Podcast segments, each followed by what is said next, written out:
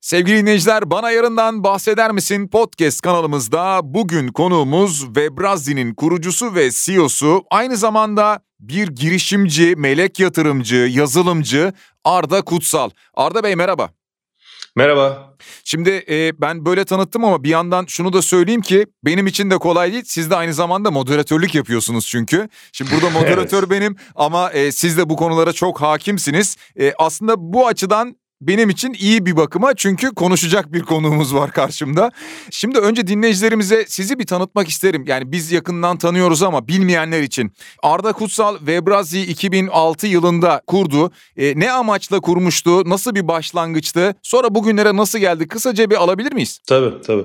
Ya ben çok küçük yaşlarda e, aslında işte siz de bahsettiğiniz yazılım yapmaya başlamıştım. Yani bayağı küçük yaşlarda böyle 9 yaşından falan bahsediyorum. E, Commodore 64 e, devri çocuğu çocuğu olarak e, Basic'te kod yazmaya çalışmıştım kendi kendime ve hep öyle gitti. Yani ben kendim bildim böyle hep bilgisayarlarla, kodlarla büyümüştüm. E, işte belli bir döneme kadar hep böyle gitti. Sonrasında yavaş yavaş böyle bir daha e, business dediğimiz daha iş, e, daha Hı-hı. satış ağırlıklı taraflara doğru kaymaya başladım. Hatta e, o dönemi şey diyorum, dark side'a geçtim diyorum e, arkadaş arasında konuşurken. Ee, 2006 ya 2006'da Webrazi'yi kurmadan önce zaten böyle hep kendi sistem vardı. İşte oraya bir şeyler yazardım. Ee, hem kişisel e, yazılar yazardım. Hem biraz daha böyle arada dikkatimi çeken profesyonel, sektörel şeyler yazardım. Ee, ve 2006'da da böyle hem bireysel yazıp hem işte işle alakalı yazmayayım, e, işle alakalı yazdıklarımı başka marka altı toplayayım deyip e, Webrazi'yi kurdum. O zamanlar bir yatırım fonunda çalışıyordum o dönemde. E, ve Hı-hı. aşağı yukarı bir yıl boyunca bu işte Webrazi ve e, günlük iş gibisinden devam etti. Bir yıl sonunda da 2007 e, sonuna doğru da artık Webrazi'yi şirketleştirdim ve o gün bugündür de e, devam ediyor. Bir işte çalışırken bir yandan onu idare etmek ve sonrasında o işten ayrılma kararını verip yeni işe odaklanmak. O riskli bir süreç aslında. O dönemi nasıl geçirdiniz? Zaten e, şeydi yani böyle çevrede e, ayrılacağım ben işte blog yazacağım falan deyince insanların tabii e, yaklaşımı şey oluyor çılgınca e, bulunuyor.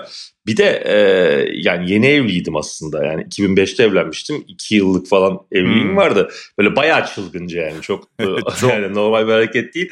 E, ya ben şeydim ben hep girişimci ruhluydum yani ee, benim kurumsal çalışmam çok kısadır. Yani toplamda 4 yıl falan ben kurumsal hayatta bulundum. Onun ki o zamanlarda bile hep böyle bir girişimci tarafım vardı. O yüzden e, şahsen beni çok ürküten bir dönem değildi. Hmm. Yani ben güveniyordum kendime ve yapmak istiyordum. E, tabii ki dışarıdan bakıldığında ya bir yerde çalışıyorsun, bir yönetici ünvanın var falan. Şimdi çıkıp böyle blog yazmak, bir de blog yazmak tabii o dönemler çok şey yani çok kafada da kurulamıyor. Ee, adam yazı yazıp para kazanıp reklam satmaktan bahsediyor. evet, ee, o yüzden e, riskliydi ama benim içimde öyle bir korku yoktu açık söylemek gerekirse. O da işte herhalde biraz o e, çılgın girişimci ruh hali biraz da tabii ki yaşla da alakalıdır herhalde. Yani e, çok fazla e, bilginiz olmadığı zaman böyle şeylerde fazla korkmuyorsunuz. Doğru. Yani şimdi e, o zaman yaptığım hareketleri şu anda şöyle bir düşünüyorum da yani e, şey ya, cehalet mutlulukmuş yani. evet doğru. Doğru. Peki e, yani. şimdi e, Webrazi e, bugün bayağı iyi bir noktaya geldi ve aynı zamanda siz e, bu süreç içerisinde bildiğim kadarıyla çeşitli girişimler de yaptınız. Girişimlere de ortak oldunuz, katkılarınız oldu ve devamda ediyor. E, bu noktada biraz şunu sormak istiyorum. Hem bu girişimlerinizi merak ediyorum. Kaç tane var şu anda neler var? Hem bir de melek yatırımcı yanınız var. E, bu girişimle melek yatırımcılık arasında nasıl bir fark var? Şöyle e, işte 2000, yani sizin de bahsettiğimiz gibi işte 2006'da Webrazi'yi kurdum. 2007'de şirketleşti. 2008'de Webrazi ilk konferansını gerçekleştirdi. Çünkü aslında medya ve haber tarafı dışında bir de konferans işi var. E, şirketin genel yapısı e, teknoloji yani ben de eski yazılımcı olduğum için ekip de aslında bu kültürle ilerliyor ve ekip içinde e, hep böyle kendi ürünlerimizi kendimiz geliştirelim. Bunun kodunu biz yazalım gibi bir e, eğilim var. Şimdi bundan dolayı aslında yani sorunuza cevap vereceğim. Bu, bu, birbiriyle alakalı diye buradan giriş yaptım. Ee, biz içeride yani Webrazi dışarıdan bakan birisi ya işte haber sitesi arada da konferans yapıyor gibi görüyordur. Ama Webrazi içeride aslında sürekli küçük küçük girişimler üreten bir yapı aslında.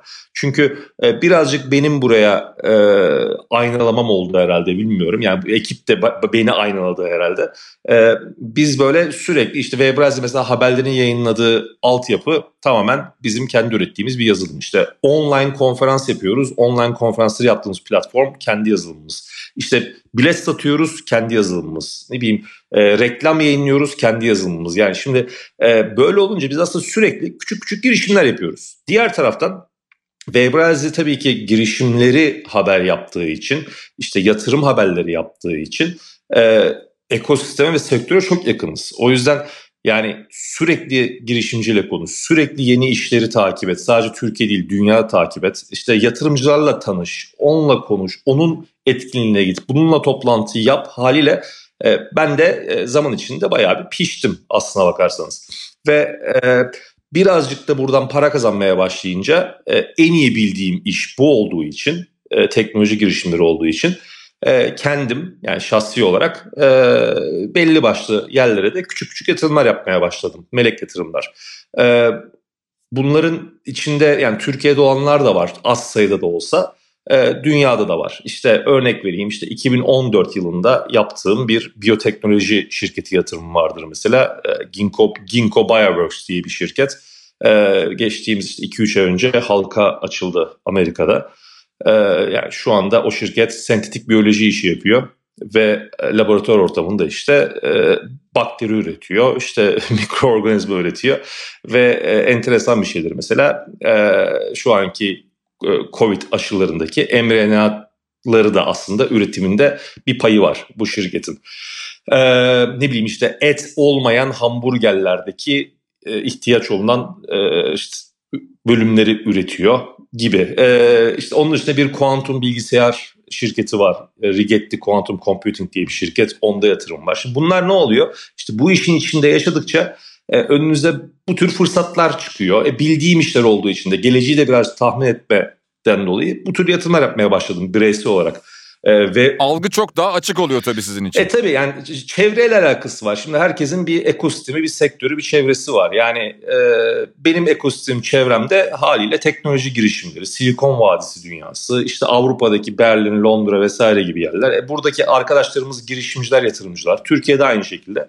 O yüzden de orada yeni bir girişim kurulduğunda haberim olursa ve benim ilgimi çeken bir alansa ben de e, gücüm yettiğince yatırım yapmaya çalıştım geçmişte. Ya hala da devam ediyorum. Bunun yanında Webrazi tarafında da tabii ki e, bir şeyler yapıyoruz. İşte e, orada direktman şirketlere yatırım gibi bir şey yapmasak da yani benim yaptığım melek yatırım türü bir şey yapmasak da Webrazi tarafında da e, yakın zamanda yurt dışında bizim aynımız olan bir şirketi satın aldık. E, Ekim Ekim ayında e, ve Brazil'in Türkiye'de yaptığı işin birebir aynısını Avrupa'da yapan Tech EU diye bir e, şirketi Londra merkezli satın aldık e, tamamını e, Ekim ayında. Yani o da e, enteresan bir şey oldu. Bizim aslında birazcık Webrazi olarak Türkiye'deki kazandığımız tecrübeyi işte hacmi e, biraz da dünyaya taşımak üzere yaptığımız bir yatırımdı. Yani ben bunlardan keyif alıyorum. E, motivasyonunu da açık söylemek gerekir. Şimdi böyle anlatınca çok şey e, para göz e, ve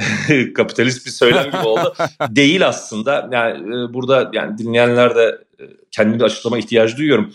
Yani benim buradaki motivasyonum para değil e, bu yatırımlardaki motivasyon da para değil. Böyle halka açıldı falan filan deyince e, farklı oluyor. Bugüne kadar 16-17 yatırım yaptım. Melek yatırım. Kendim şahsi yaptıklarım. Hı hı hı. E, ve yani bu şirketlerin hakikaten o büyüme sürecini görmek, farklı disiplinlerde bilgi almak, öğrenmek yani kuantum bilgisayar yani bu ben bu işi ancak okursunuz internetten yani içinde olmadıktan evet. sonra detayını bilemezsiniz. E, bu yatırımcısı olduğum şirket sayesinde mesela e, bununla ilgili daha fazla bilgi sahibi oluyorum. Biyoteknoloji yani sentetik biyoloji diye bir şeyi ben bu şirket tanışana kadar bilmezdim. Yani tabii ki okurduk ederdik. Yani o açıdan e, heyecan yani şu an size anlatırken bile bana heyecan veriyor. Şu anda tekrardan bir oralara bakasın bu şirketler ne yapıyor inceleyesim geliyor bir anda yani. O zaten sesinizden yani sesinizden heyecan anlaşılıyor. evet. ee, ama tabii hayatı devam ettirmek için elbet yani biraz önce konuşurken belki dinleyicilerimiz düşünmüştür dediniz ama gayet normal hayatı devam ettirebilmek için e, bir yandan da bir geçim sağlamak lazım. Bir hedef var ona ulaşabilmek lazım. Doğru. E, bu da gerekiyor. Bu da yanında bunun ne diyelim tatmini bonusu oluyor. Evet, Peki evet. E, teknoloji girişimiyle çok yakından ilgilisiniz.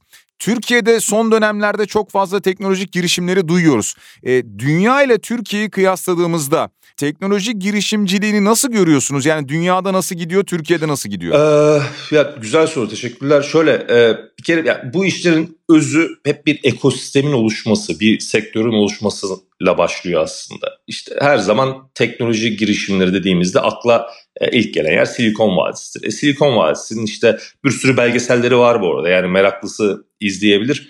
E, mesela Something Ventured diye bir belgesel vardır. Yani meraklısı için buradan söylemiş olayım. Hatta bayağı bir yerde de var yani. Bilinen bütün dijital platformlarda vardır yani. Some, Something Ventured. E, hakikaten o e, Silikon Vadisi'ndeki bu venture capital dediğimiz e, girişim sermayesi şirketlerinin kuruluşunu anlatan belgeseldir. Bunun gibi başka bir sürü şey var. Yani başka belgeseller de var. E, ama Something Ventured bunun böyle şeyidir. E, önemli olanlarından biridir. E şimdi burada ne olmuş öncesinde? İşte e, bir 3-5 kafadar e, bir çip şirketi kurmak istemişler. Ne bileyim işte orada Stanford Üniversitesi'nin olması avantajı olmuş. Onlar orada o çip şirketini kurarken belli paralar kazanmışlar. Oradan birileri ayrılmış bir yatırım şirketi kurmuş. Yavaş yavaş yavaş yavaş Silikon Vadisi bugün bildiğimiz Silikon Vadisi haline gelmiş. Şimdi Türkiye'de e, bu hareket başladı yani yıllar önce. E, burada da e, çok da mütevazi konuşamayacağım bir şey olacak ama yani Webrazi'nin aslında kuruluşuna denk gelir bunlarda. Çünkü e, benzer yani o zamana kadar tabii ki girişimler var Türkiye'de ama e, bir medyası yok. O ekosistemi oluşturan diğer dinamikler oturmamış ve açıkçası biraz da Webrazi efektiyle e, belki de o ekosistemin oluşması sağlandı. Mi? Konferanslarla bir araya gelmesi sağlandı ve bu ekosistem oluşmaya başladı. E, şu anda gelinen nokta e, fena değil e, ama daha çok yol var. Neden daha çok yol var? Çünkü daha çok kapitalin girmesi gerekiyor. Daha çok yatırım şirketinin olması gerekiyor. Daha fazla paranın dönmesi gerekiyor aslında. Bunun da olması için başarı hikayeleri gerekiyor. Bu böyle bir şeydir bu. Böyle bir e, bir cycle, bir, bir döngü bu. Yani e, önce girişimler çıkacak. Bu girişimler başarılı olacak. E, başarılı olduğu için yatırımcının iştahı kabaracak. Yatırımcı Türkiye pazarına girecek veya Türkiye içinden yatırımcılar çıkacak. Ve böyle böyle böyle bir kar topu e, etkisiyle e, bunun büyümesi lazım. Şu anda büyüyor. E, ama yani malum tabii dönem dönem işte belli başlı inişler çıkışlar işte Pandemi mesela bu işin biraz dışında tutuyorum. Pandemi e, bu sektöre yani çok acı bir şey bunu söylemek ama bu sektöre birazcık yaramış bile olabilir şu anlamda diyorum. Dijitalleşme anlamında. Evet aslında onu da soracaktım doğru. yani onu da soracaktım. Yani pandeminin nasıl bir etkisi oldu? Olumlu bir etkisi olduğundan bahsediliyor. Anladığım kadarıyla aynı görüştesiniz. Evet ya bunu söylerken de utanıyorum. Yani e, hoş bir şey değil. Yani insan hastalandı, insanlar öldü. Kötü bir dönem. Ama şimdi sektör konuştuğumuzda da e, bazı şeyleri de yani belirtmek lazım özellikle. Yani pandemi dönem pandeminin gerçekleşmesi, insanların işte evlerde olması, e, yüz yüze iletişimin ortadan kalkması e, tabii ki dijitalleşme anlamında ve teknoloji sektörü anlamında e, yani iyi bir etki yarattı, pozitif etki yarattı. Yani pozitif iyi anlamda kullanalım. Şimdi çünkü ne oldu? Örnek vereyim işte bankalar e, tarafında normalde bir işte banka hesabı falan açmak istediğinizde gitmeniz lazımdı şubeye. Bu dönemde uzaktan kimlik doğrulama e, devreye girdi ki bu aslında çok uzun zamandır konuşulan bir şeydi. Vesile oldu yani hızlandı bu süreç. Birçok şirket dijital dönüşümünü hızlandırdı. E bu tabii haliyle e, girişimlere yaradı e, startuplara yaradı. O anlamda bence pandemi sektöre e, iyi geldi. Yani normalde herhalde 4-5 yılda alınacak olan yol o 1,5 yıllık dönemde alınmış oldu. Yani Türkiye'yi, Türkiye ekosistemini dünya ile kıyasladığımızda e, genç nüfus olma avantajı çok fazla. Teknolojiye çok hızlı adapte olan e, bir popülasyonumuz var.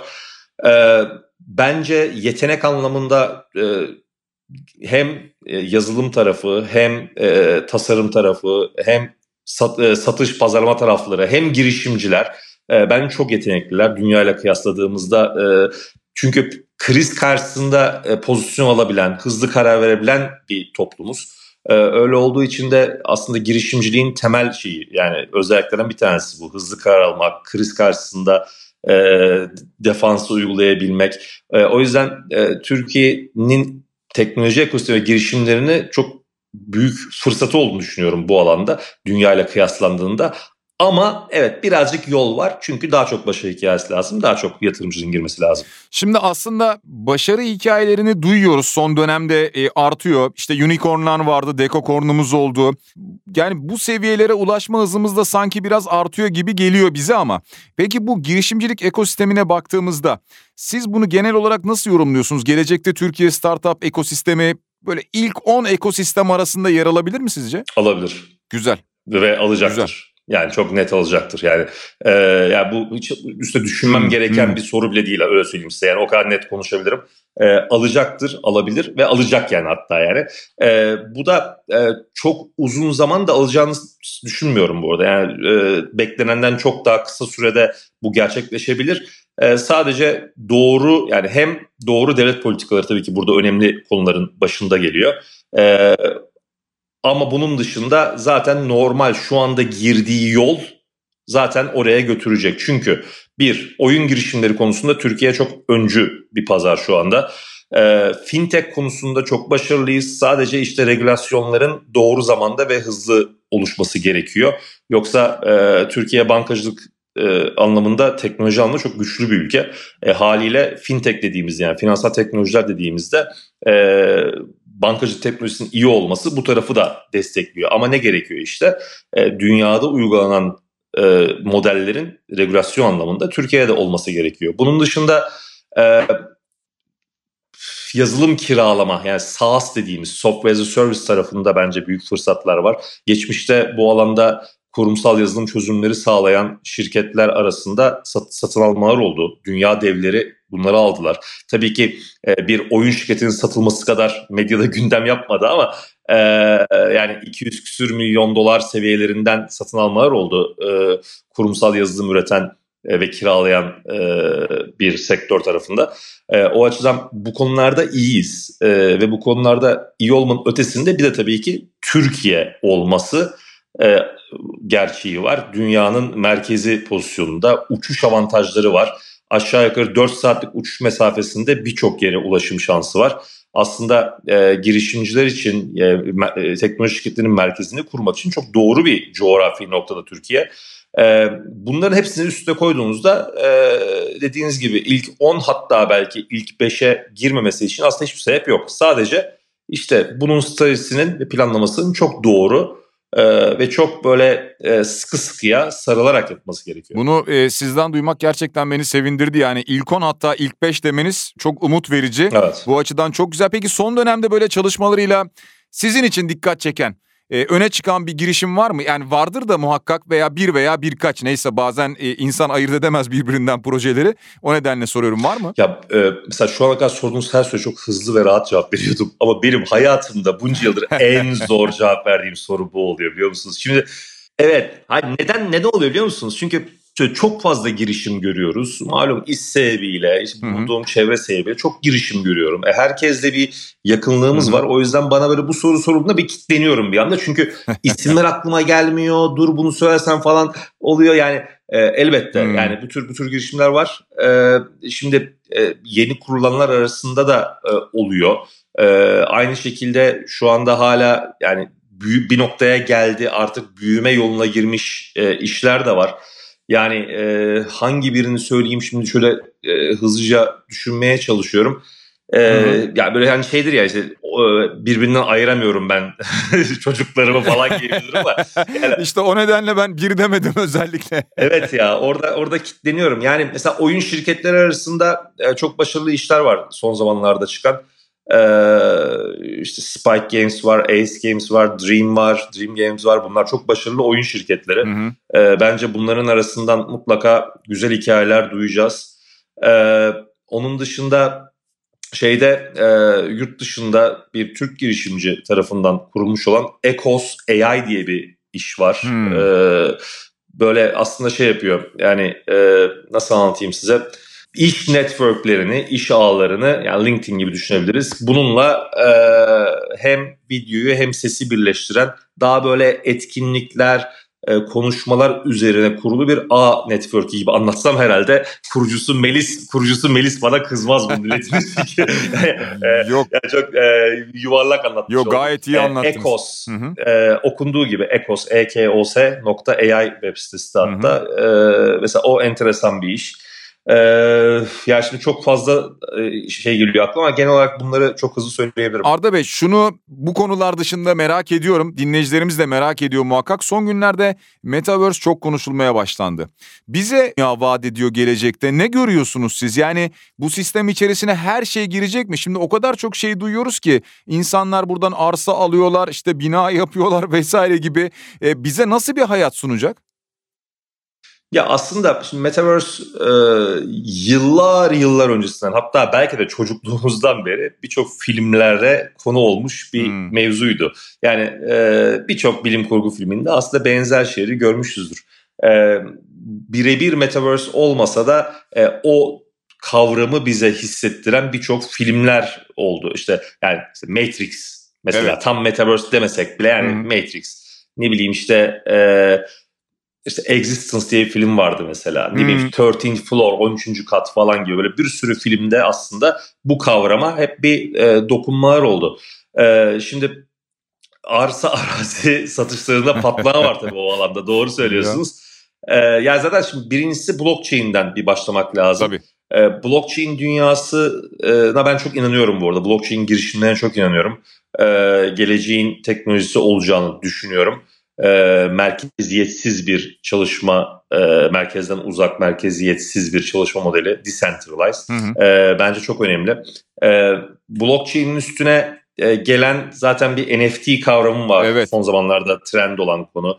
Nedir NFT? İşte sanat eserlerinin e, tokenize edilmesi. Yani blockchain üzerine saklanarak e, kişiden kişiye e, transferinin gerçekleşmesi veya saklanması.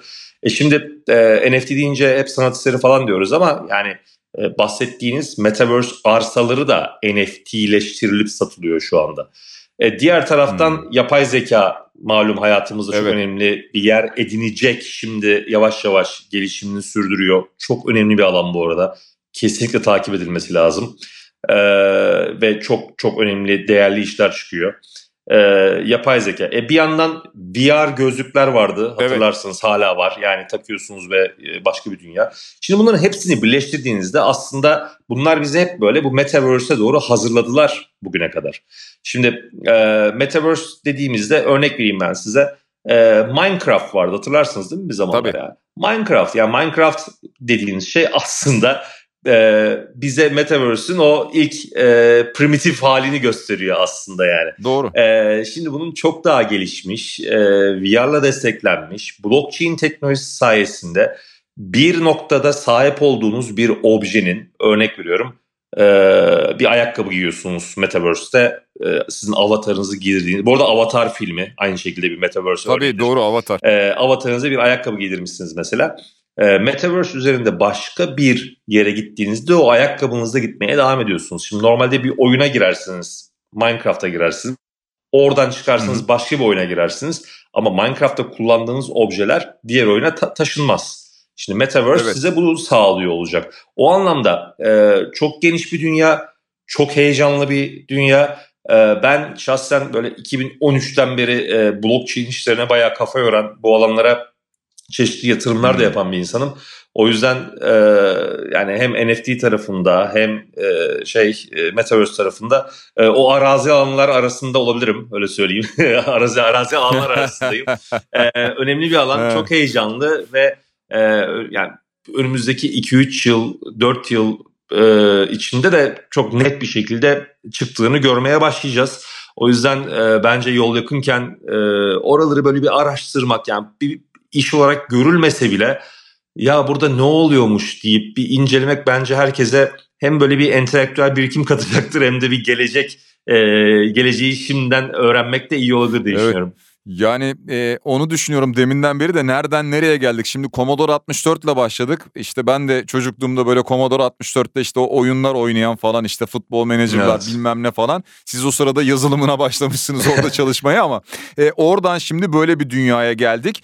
Peki hızlı bir gelişme yaşandı özellikle pandemi döneminde az önce konuştuğumuz gibi. Son olarak şunu sormak istiyorum. Teknoloji alanında muhakkak şimdi bizi dinleyen gençler de var. Onlar girişimci olmak istiyor olabilirler. Onlara ne gibi bir tavsiyeniz olur? Bu işler tabii hep merakla başlıyor bir yerden ama e, sonrasında zaman zaman böyle bir duvara toslama da olabiliyor. Ne gibi önerileriniz, tavsiyeleriniz olur? Ee, öncelikle duvara toslamak kötü bir şey değil bu arada. Ee, maalesef yani mesela e, Türkiye'de bir iş yaptı battı şeydir ya böyle algısı olarak Evet. vay battı mı yazık falan. Yani şimdi mesela Silikon Vadisi'nde bu kültür böyle değil. Silikon Vadisi'nde fail etmek yani e, bir şirkette başarısız olmak e, bir tecrübedir ve bundan sonrakinde o hatayı yapmayacak diye bakılır. Birincisi e, hata yapmaktan korkmamaları gerekiyor ama elbette bunu söylediğimde de varını yoğunu sat işe gir falan anlamında da söylemiyorum tabii ki. Tabii. E, birazcık yani şimdi e, Amerika standartını konuştuğumuzda işler farklı, Türkiye biraz daha farklı. E, ben Türkiye'de girişimcilerin e, eğer teknolojik olarak e, bariyeri olan bir iş değilse yapmayı planladıkları şey e, birazcık o öncesinde bir kurumsal tecrübeyi, iş tecrübesini almaları gerektiğine inanıyorum. E, çünkü tamam yani üniversitede üstüne çalıştığı bilimsel bir projesi vardır, teknolojik bir bariyer sağlıyordur, başkasının oraya girmesi çok zordur. Tamam üniversiteden çıkar çıkmaz gitsin yapsın onu ama e, öyle bir iş değilse e, birazcık o e, satış yönünü güçlendirmesi, organizasyon yönünü güçlendirmesi, strateji yönetim tarafını güçlendirmesi ve bunlar için birazcık işte pazarlama öğrenmesi, e, birazcık o e, kurumsal tecrübeyi almasında fayda var. E, girişim işi yani tam şeydir kan ter gözyaşıdır. Yani o yüzden kendi içinde bunu hissetmeyenler boş boşuna uğraşmasınlar diyorum ben genelde. Veya çok iyi bir kurucu ortak bulsunlar kendilerine. E, yani kendin yapabileceğin bir iş için ortak alma e, demişti bana birisi zamanında. Ona çok katılıyorum. Kendi yapamayacakları, kendilerinde olduğunu düşünmedikleri bir yetkinlik varsa o zaman orada e, çok iyi tanıdıkları, bildikleri bir kurucu ortaklığı yürümelerinde fayda var. Ama e, şunu da söyleyeyim, e, eğer içinde o girişimcilik ateşi olan kişiler varsa e, ve teknolojiye de yatkınlıkları varsa illaki yazılımcı olmaları gerekmiyor. Satışa eğilimleri vardır. Ne bileyim işte e, pazarlamaya eğilimleri vardır. Bence e, girişimciliğe adım atmalarında fayda var ve doğru zamanlar şu anda. Ama dediğim gibi öyle e, kör göze parmak mı derler böyle yaradana Evet, sığınıp da evet. girmemek lazım yani öyle de, öyle de değil yani. Evet. E, ama doğru zamanlar e, bir sabır ve biraz kanter gözyaşı var tabii ki. Son dedim ama bir soru ilavem olacak. Arda Kutsal'ın bundan sonraki hedefi ne? Gerçi biraz önce Webrazi'nin e, yurt dışındaki satın alım- alımıyla beraber e, dünyaya açılmak olduğunu anladım. Ama bunun dışında başka bir hedef var mı? Bu zaten yeterince büyük bir hedef bu arada. ya şöyle şimdi birincisi evet bir dünyaya açılıp e, ve Brezilya'da Türkiye'de başardığımız şeyi Avrupa'da da e, o ekosistemi kendi yani Türkiye'den çıkan girişimler için de bir fırsat olacaktır bu arada bizim Avrupa'da güçlü olmamız. E, önce bir bir dünyadaki e, gücümüzü bir arttırmak istiyoruz. Bunun dışında e, var bu arada e, başka bir hedef daha. E, küçük de olsa bir fon kuruyorum ben şimdi. E, çünkü bugüne kadar yaptığım yatırımları kendim yapıyordum. Kendi paramla yapıyordum. E, yani Webraz'den kazandıklarımla yapıyordum diyeyim daha doğrusu. E, şimdi küçük bir fon oluşturma planım var. Böylece e, biraz daha büyük çapta yatırımlar, biraz daha fazla sayıda yatırım yapmam mümkün olacak. E, bununla ilgili şu anda çalışmalar sürüyor. E, yani çok yakında herhalde bir 2-3 ay içinde de hazır olmuş olacak. E, bir tane küçük bir fon kurma planım var. Güzel. Yatırımları arttırmak için. E, yine amaç zaten yatırım arttırmak burada. Ekosistem, sektör. Aynen öyle. Girişimlere destek olmak. Evet. Peki Webrazi'nin kurucusu ve CEO'su sevgili dinleyiciler Arda Kutsal bizim konuğumuz oldu. Arda Bey çok teşekkür ediyoruz. Ben teşekkür ederim. Çok sağ olun. Teşekkürler.